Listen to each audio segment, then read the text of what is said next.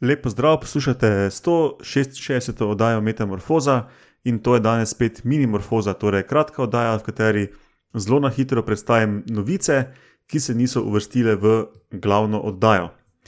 Ker so to kratke predstavitve, so povezave do poljudnih in znanstvenih člankov vseh teh novic, kot vedno v zapiskih. Metamorfoza ima sicer svojo spletno bazno postajo na medijskem mreži Metina Lista, vse nas dobite na e-mail metamorfoza.afna.metina.si, vse ostale admin zadeve pa v običajnih oddajah. Kar začnemo. Raziskava ena. Dobro vemo, da pajki včasih uh, lovijo tudi vretenčarski plen. Med temi vretenčari, ki jih lovijo, so tudi kače. Kako pogosto se zgodi, da pajki lovijo kače, pa do zdaj ni bilo znano, in v novem članku poročajo ravno o tem. V tem pregledu se izkaže, da pajki lovijo kače po vseh kontinentih in v vseh okoljih, večinoma se pa to dogaja v ZDA in v Avstraliji. Pajki, ki so sposobni lovljenja kač, so zelo raznoliki. Več kot 40 vrst pajkov so že zabeležili, ki to počnejo, njihov kačji plen pa sestavlja več kot 90 vrst kač. Raziskava 2. Ptiči pogosto svoja gnezda izolirajo na tak način, da v njih vgradijo dlako sesalcev. Do zdaj so raziskovalci predvidevali, da to dlako preprosto pač poberejo nekje v okolju, v novi raziskavi pa ugotavljajo, da nekatere skupine ptičev pogosto tudi tvegajo svoje zdravje in življenje in grejo dlako cufati neposredno živim sesalcem.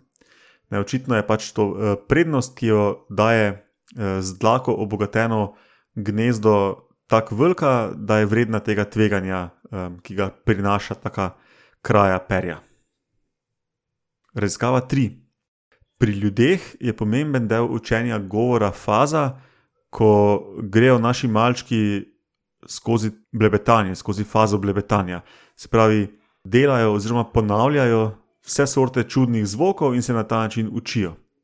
Ker pa ljudje nismo edine živali z vokalnim učenjem, so raziskovalci pričakovali, da bi podobno učenje preko blebetanja um, se lahko pojavljalo še pri kakšnih drugih vrstah.